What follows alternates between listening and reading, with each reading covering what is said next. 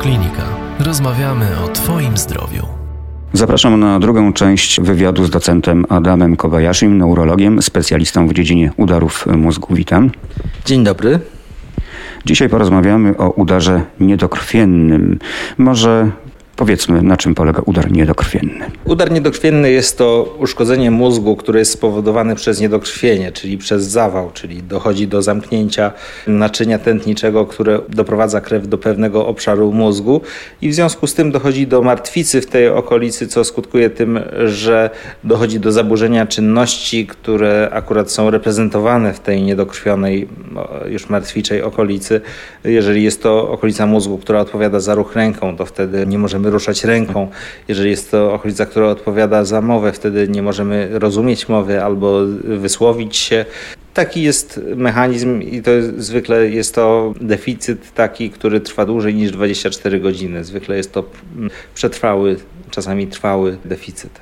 W którym momencie od e, rozpoczęcia tego procesu można zauważyć jego objawy? Udar e, mózgu najczęściej rozwija się gwałtownie, aczkolwiek w przypadku udaru niedokrwiennego czasami może być tak, że narasta powoli, że najpierw zaczyna się od niewielkiego drętwienia ręki, po paru godzinach dołącza się mm, osłabienie, a jeszcze po dalszych godzinach przestajemy ruszać tą ręką, ale najczęściej jest tak, że dochodzi gwałtownie, że nagle słabnie nam ręka, nagle przestajemy rozumieć mowę albo mówić, upadamy, kiedy słabnie nam noga, opada nam kącik ust. W przypadku udaru krwotocznego, o czym rozmawialiśmy w poprzednim wywiadzie, mieliśmy do czynienia z bólami głowy, wymiotami, innymi podobnymi objawami. Czy przypadku udaru niedokrwiennego też e, mamy do czynienia z e, bólem jakichś narządów bądź innymi objawami. W przypadku udaru niedokrwiennego też może się zdarzyć ból głowy, mogą się zdarzyć wymioty, aczkolwiek są na pewno rzadsze niż w przypadku udaru krwotocznego. I tak średnio mm, uśredniając, to zwykle e, udar niedokrwienny ma mm, lżejszy przebieg, ten deficyt jest mniejszy, rzadziej prowadzi do śmierci do ciężkiej niestrawności niż udar krwotoczny, ale aczkolwiek jako, że 85 do 90% wszystkich udarów to są udary niedokrwienne, to konsekwencje społeczne są na pewno e, większe niż udaru krwotocznego. Czyli krótko mówiąc, e, łatwiej wyprowadzić pacjenta z udaru mm, krwotocznego niż niedokrwiennego. To znaczy nie, nie. Łatwiej z niedokrwiennego niż z krwotocznego. Lepiej się ci pacjenci rehabilitują. Też nieco rzadziej umierają, ponieważ no, musimy pamiętać o tym, że udar mózgu jest zawsze stanem zagrożenia życia. Kilkanaście procent pacjentów umiera w trakcie hospitalizacji już. Później też te, te wskaźniki śmiertelności są relatywnie wysokie, aczkolwiek w udarze niedokrwiennym jest jednak proporcjonalnie mniej tych pacjentów. Powiedzmy może teraz o etiologii tego typu udaru. Więc y, jeśli chodzi o udar niedokrwienny, to Tutaj podstawowym czynnikiem ryzyka też jest nadciśnienie tętnicze, wysoki cholesterol, zaburzenia rytmu serca, przede wszystkim o typie migotania przedsionków, kiedy w niemiarowo pracującym sercu dochodzi do tworzenia się skrzeplin, które następnie się urywają i lecą do głowy, zatykając nam naczynia mózgowe. Poza tym również cukrzyca, która jest chorobą, która niszczy naczynia mm, nie tylko mózgowe, ale i naczynia obwodowe palenie papierosów, brak aktywności fizycznej, otyłość to są wszystko czynniki y, ryzyka, które mogą spowodować udar niedokrwienny. Objawy. Czyli kiedy możemy stwierdzić, iż mamy do czynienia z udarem niedokrwiennym? Mamy niedowład połowiczy dotyczący ręki, nogi, twarzy. To objawia się tym, że kącik ust odpada, że jest, wycieka ślina z jednej strony. Mogą być zaburzenia mowy o typie afazji, kiedy pacjent nie rozumie, co się do niego mówi. Wtedy mówimy o afazji czuciowej, o afazji ruchowej to mówimy wtedy, kiedy pacjent z kolei w drugą stronę rozumie, ale nie może się wysłowić. No właśnie, afazja. Jeden chyba z pierwszych objawów udaru niedokrwiennego. Jest to proces y, postępujący, prawda? Tak, może być to nagłe wystąpienie, aczkolwiek może też z czasem y, postępować. Czy zatem utrzymywanie kontaktu werbalnego z chorym może złagodzić y, skutki, sprawić, że ten uszczerbek w tym obszarze będzie mniejszy? Raczej, raczej nie. Powiedzmy może również o e, innych objawach udaru niedokrwiennego. Więc mogą być też takie objawy jak zaburzenia czucia, ale również dotyczące jednej połowy ciała, że możemy nie czuć na jednej stronie, e, na jednej nodze, po tej samej stronie na nodze. Może być niedowidzenie połowicze i często pacjenci nie są tego świadomi, ale można to poznać po tym, że na przykład przechodząc przez drzwi uderzają we framugę, bo nie widzą właśnie, że już tych drzwi tam nie ma. Mogą być też e, zaburzenia mowy takie, ale nie to, że nie rozumiemy mowy, czy nie możemy się wysłowić, ale po prostu w wyniku osłabienia mięśni gardła, mięśni mowy jest mowa bełkotliwa. Mówimy wówczas właśnie o dysartrii. Zawroty głowy, bóle głowy oczywiście to są takie rzadsze już objawy i też mniej specyficzne. Rzadko są związane z udarem. E, no, zważywszy na to, jak często występują, no to udar jest jedną z rzadszych przyczyn tego typu. Jednym z objawów jest tak zwana apraksja, czyli zaburzenie wykonywania precyzyjnych e, ruchów i to jest chyba objaw, który też jako jeden z pierwszych pojawia się przy udarze. Tak, jest to y, oczywiście też występuje nagle i też często jest to niedoceniane. Często jest to nawet niewybadywane, ponieważ polega na tym, że pacjent nie może napisać albo wykonać jakichś innych ruchów precyzyjnych, może mieć kłopoty z chodzeniem nie wynikające z niedowładu, ale może po prostu nie potrafić, zaburza mu się ten wzorzec chodu. To się nazywa właśnie apraksją. Także może dotyczyć właśnie też mowy, pisania, y, liczenia, wówczas to się nazywa akalkulią i, i tacy pacjenci, którzy potem to mają. Mogą z pozoru wyglądać na ulicy na zdrowych, ale w rzeczywistości mogą mieć głębokie zaburzenia właśnie tego typu. No właśnie, bo mm, konsekwencją udaru niedokrwiennego mogą być właśnie takie objawy jak agrafia, czyli trudność z pisaniem, prawda, czy też e, aleksja, trudności z czytaniem, amnezja, trudności z pamiętaniem, z zapamiętywaniem, agnozja, problem z rozpoznawaniem e, obiektów. Można walczyć z tymi objawami, czy istnieje szansa na przywrócenie do stanu pierwotnego albo przynajmniej częściowego zniwelowania skutków tego udaru? Tak, zupełnie pewnie zlikwidować się tych objawów nie da, ale można je rehabilitować, tego typu funkcje. Y, bardzo swoista i nakierunkowana na to rehabilitacja neuropsychologiczna y, jest skuteczna właśnie w niwelowaniu efektów tego typu zaburzeń.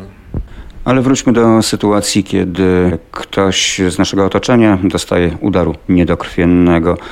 Podejrzewamy, że coś jest e, nie tak, e, zaburzenia ruchu, zaburzenia mowy, opadający kącik usta, o którym e, pan doktor wspominał, ewentualnie ślinienie, zaburzenia mowy itd., tak itd. Tak Wiemy, że coś z tą osobą dzieje się nie tak. Wzywamy oczywiście karetkę. W oczekiwaniu na karetkę, jak należy postępować.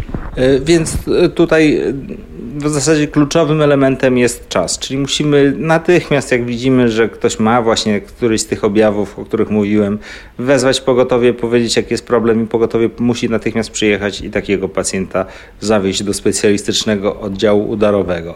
Natomiast to, co możemy zrobić, oczywiście tutaj jakieś próby postawienia tego pacjenta, posadzenia go, lepiej tego nie robić, bo możemy tylko sprawę pogorszyć, ponieważ on może się przewrócić, y, złamać sobie rękę, co bardzo potem utrudnia podjęcie decyzji terapeutycznych, więc takiego pacjenta należy zabezpieczyć w ten sposób, żeby go najlepiej położyć. Można, jeżeli ten pacjent wymiotuje, położyć go na boku w tak zwanej pozycji bocznej bezpiecznej, żeby nie doszło do zachłystowego zapalenia płuc. No i czekać na, na, na pogotowie oczywiście, które mam nadzieję, że przyjedzie jak najszybciej. Czyli w tym przypadku postępujemy tak, jak przy e, potencjalnym udarze krwotocznym. Tak, tak, tutaj akurat w tym wczesnym okresie to tutaj postępowanie się w niczym nie różni.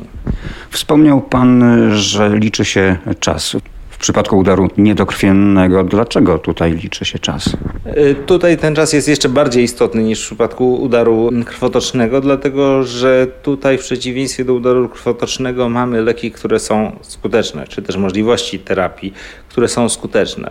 I tutaj wiemy w tej chwili, że leczenie trombolityczne, które polega na e, podawaniu takiego specyfiku, który się nazywa alteplaza i który rozpuszcza skrzeplinę właśnie, która powoduje ten zawał, która zamyka naczynie, możemy w ten sposób spowodować, że krew z powrotem będzie płynąć w tych okolicach, które zostały niedokrwione, które może nie zawsze od razu doszło do ich martwicy, no ale mm, właśnie mózg jest bardzo wrażliwy na niedotlenienie i dlatego ten lek jest najskuteczniejszy, jeżeli jest podany w ciągu 4,5 godziny, u niektórych pacjentów nawet do 6 godzin, ale też wiemy, że im wcześniej podamy ten lek, czy podamy go 30 y, minut po wystąpieniu objawów, czy 4 godziny, to już jest różnica, ponieważ im wcześniej podamy ten lek, tym większa szansa na to, że ten pacjent wróci do pełnego stanu zdrowia. I to jest y, jedna z metod terapeutycznych. Druga, y, jest to procedura, która jest refundowana przez Narodowy Fundusz Zdrowia i praktycznie w każdym oddziale udarowym powinna być. Zaznaczam, że powinna być, bo nie wszędzie się to jeszcze stosuje, chociaż już w większości oddziałów już to stosują na szczęście lekarze. I jest to procedura, tak jak mówiłem, która jest finansowana, także tutaj nie ma obaw. Natomiast w tej chwili już od 10 lat mówi się o tak zwanym mechanicznym udrażnianiu naczyń w udarze mózgu, gdzie po prostu się wyciąga za pomocą specjalnych systemów te skrzepliny wewnątrznaczyniowo, czyli przez nakłucie tętnicę udową i dojście do głowy. Takie systemy były badane. W tej chwili już wiemy, że też jest to skuteczna terapia udaru niedokrwiennego mózgu, usuwając nawet bardziej skuteczne w niektórych sytuacjach niż tromboliza. Tutaj nie mogą otrzymać tego wszyscy pacjenci, tylko pacjenci, gdzie dojdzie rzeczywiście, którzy mają rozległe udary z niedrożnością dużego naczynia, gdzie możemy w ogóle takim systemem dojść. E, a nie każdy udar tak przebiega. Więc na Światowym Zjeździe Udarowym ukazały się wyniki badania, które pokazało, że tego typu terapia wpływa na redukcję śmiertelności i niesprawności po udarze. Więcej pacjentów wychodzi sprawnych. Praktycznie prawie zawsze się udaje udrożnić to naczynie. Oczywiście nie zawsze to koreluje z poprawą stanu klinicznego. Natomiast te procedury są nierefundowane, pomimo że już od szeregu lat postulujemy i mm, środowiska e, neurologów, e, neuroradiologów walczą o to, żeby te procedury były refundowane, to cały czas nie są. Mam nadzieję, że niedługo nasz płatnik zrozumie, że jest to absolutna konieczność i stworzenia takich ośrodków również, ponieważ to nie jest tak, że to każdy może sobie gdzieś e, przyłóżkowo w gabinecie zabiegowym zrobić, tylko muszą być przygotowane do tego specjalne pracownie naczyniowe, które z reguły są już w Polsce, gdzie pod kontrolą właśnie rentgena można tego typu zabieg zrobić.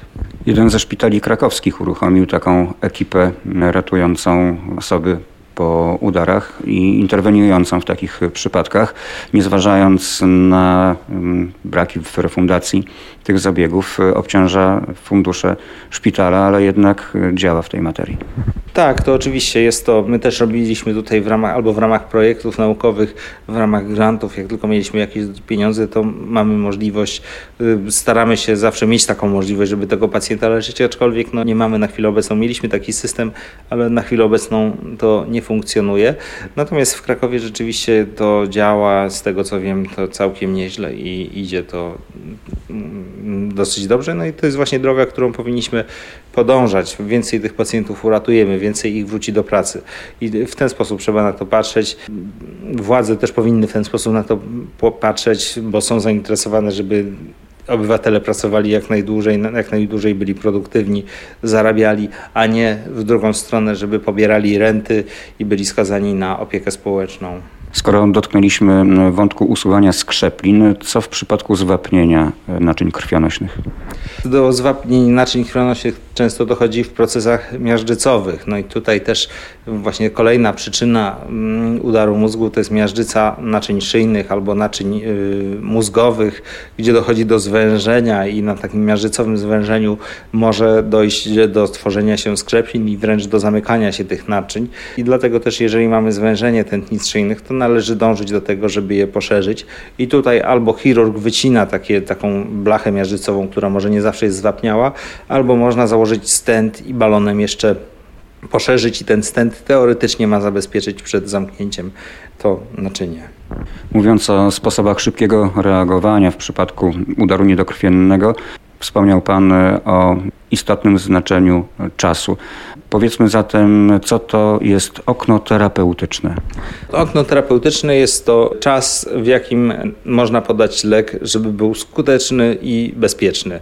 I w przypadku leczenia trombolitycznego, o którym mówiłem wcześniej, jest to 4,5 godziny. W przypadku mechanicznego udrażniania jest to 6 godzin.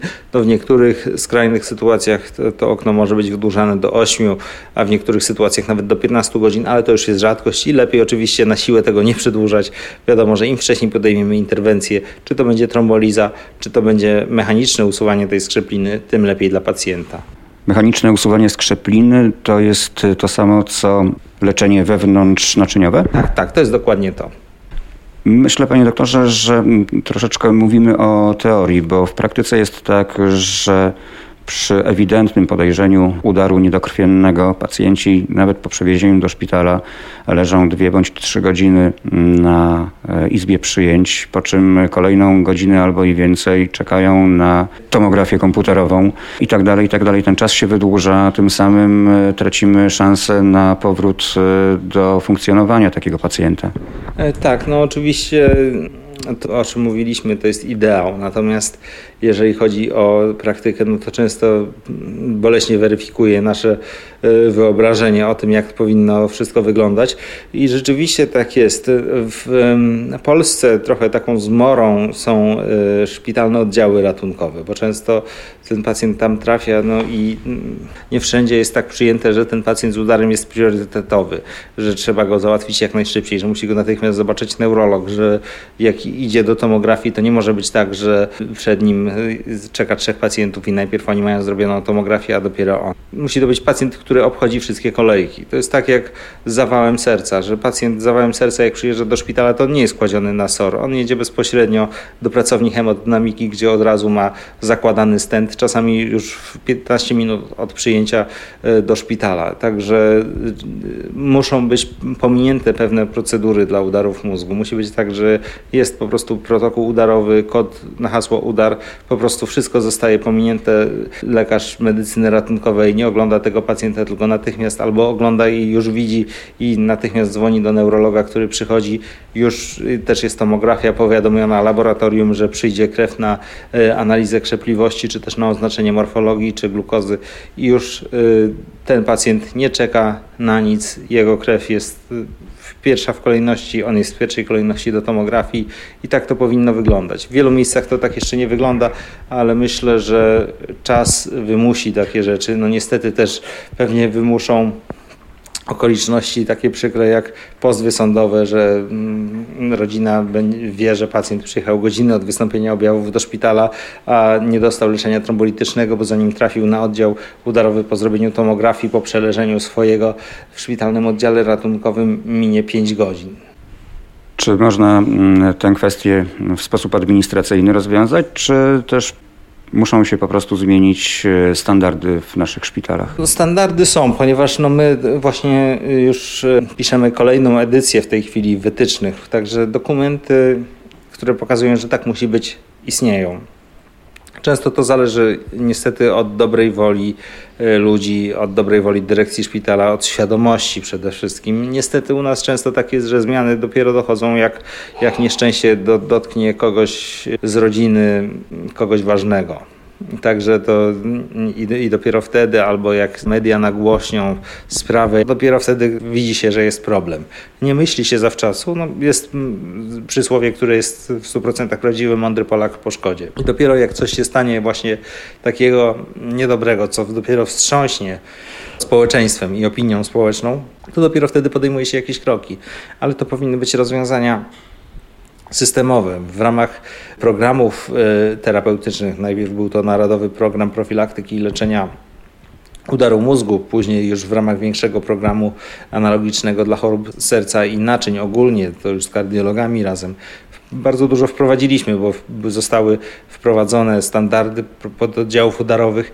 Te pododdziały udarowe zostały odpowiednio wyposażone, personel przygotowany. Była refundacja na stentowanie tętnic szyjnych, na leczenie trombolityczne na początku, ponieważ to nie zawsze było tak, że NFZ refundował, tylko od 2003 roku do 2009 roku to było właśnie z programu ministerialnego i dopiero w 2009 roku, czyli po sześciu latach weszło to jako standard do koszyka świadczeń Narodowego Funduszu Zdrowia. Także już zostało dużo zrobionych, ale wydaje mi się, że z punktu widzenia logistycznego yy, i zrozumienia przez dyrekcję szpitali, bądź też wymuszenia na nich przez jakieś czynniki zewnętrzne, jeszcze y, czeka nas duża droga do reorganizacji. Właśnie całe leczenie wewnątrznaczyniowe to też musi być rozwiązane systemowo, także jeszcze na pewno jest, do ideału jest droga daleka.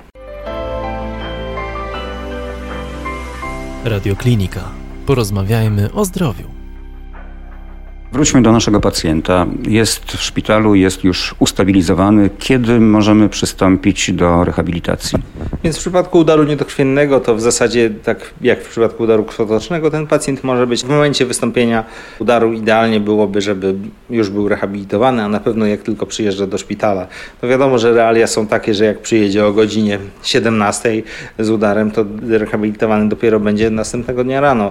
Ale tym niemniej no ważne, żeby to było następnego dnia rano, a nie za tydzień, za dwa czy jeszcze później. Na czym polega szpitalna rehabilitacja chorego po udarze?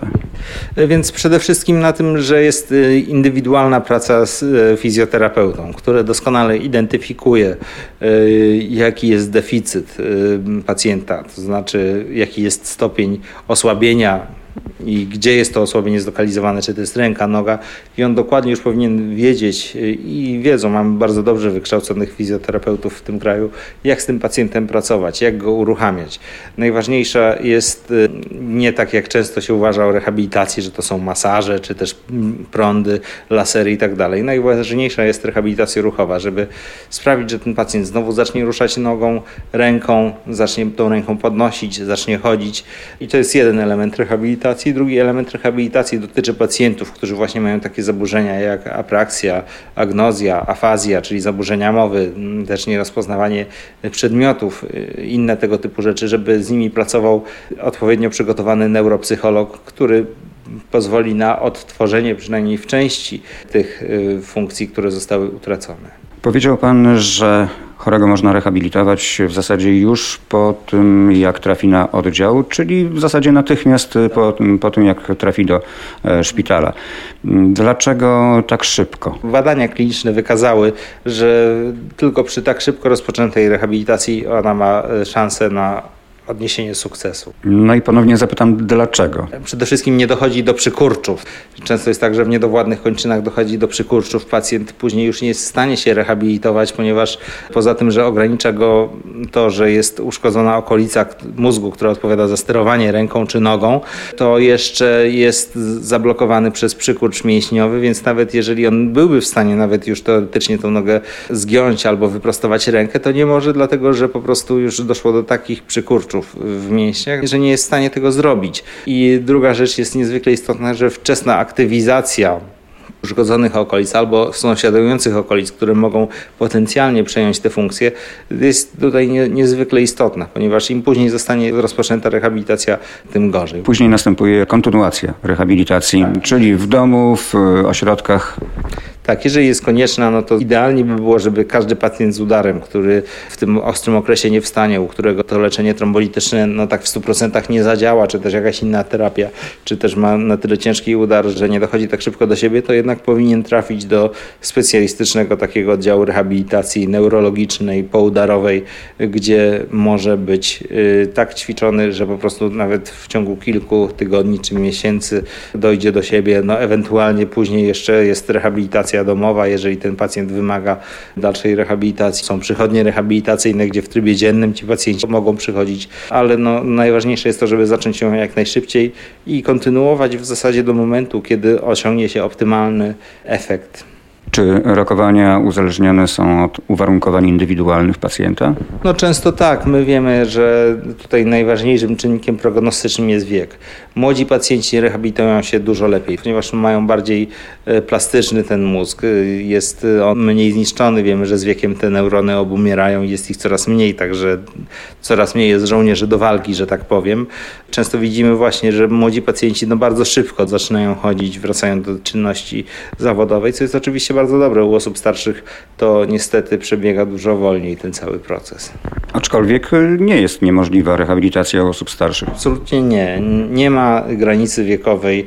Niestety lekarze często uważają, że osoby nawet 70-letnie, y, a już nie mówiąc o 80 czy 90-letnich, w zasadzie im ta rehabilitacja jest niepotrzebna, bo już nic u nich, żadnych korzyści nie da. To nie jest prawdą. W tej chwili wiemy, że jednak nie ma żadnych granic, jeśli chodzi o rehabilitację. Jeżeli tylko ten pacjent wykazuje jakieś znamiona poprawy, to powinien być jednak rehabilitowany. To jeszcze może powiedzmy, jak w przypadku udaru niedokrwiennego, jak duży obszar mózgu może być porażony?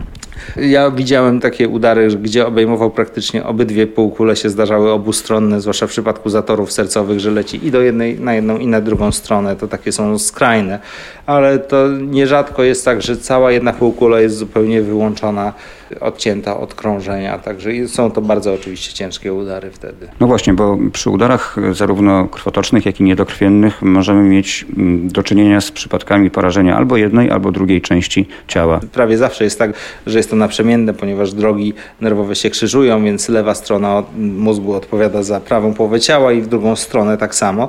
Aczkolwiek zdarza się tak, że są tak zwane porażenia czterokończynowe i do tego takich sytuacji jest, kiedy jest uszkodzony pień mózgu, czyli tam, gdzie te drogi wszystkie się schodzą. Także nawet niewielkie ognisko w pniu mózgu może spowodować bardzo ciężki deficyt w postaci zaburzeń świadomości. W skrajnych sytuacjach może doprowadzić to do śmierci. Który z przypadków, czy mm, porażenie prawostronne, czy lewostronne y, łatwiej rehabilitować? Więc teoretycznie uważa się, że mm, łatwiejsze w prowadzeniu są udary, które dotyczą prawej półkuli mózgu, czyli takie z niedowodem lewostronnym, a wynika to z tego, że no, większość populacji jest e, praworęczna, więc ośrodki odpowiedzialne za mowę, pisanie są w lewej półkuli mózgu, więc wiadomo, że jak dojdzie do uszkodzenia lewej półkuli mózgu, no to tutaj oprócz tego, że jest niedowład pod postacią osłabienia, e, zaburzeń czucia mm, prawych kończyn, no to do tego jeszcze dochodzi właśnie aleksja, afazja i, i dlatego też e, no jest to na pewno trudniejsze e, dla pacjenta, trudniejsze do rehabilitacji, no i automatycznie, no, patrząc na skale punktowe, no jest to większy deficyt neurologiczny. Zatem jeśli nawet dotknie nas udar niedokrwienny, to możemy mieć nadzieję na to, że wrócimy do normalnego życia, normalnego działania i wręcz nawet do pracy. Oczywiście, że tak. Oczywiście wszystko zależy od tego, jak ciężki jest to udar, jak dużą okolicę objał, którą okolicę mózgu. Nie jest to wcale absolutnie rzadkie. Mamy młodych ludzi. Niedawno przyszedł do mnie młody człowiek, który właśnie miał bardzo ciężki udar w wieku 38 lat. Była niedrożność u niego dużej tętnicy. Udało się to udrożnić i wrócił i w zasadzie wrócił po to, żeby odebrać ode mnie zaświadczenie, że może już wrócić do pracy.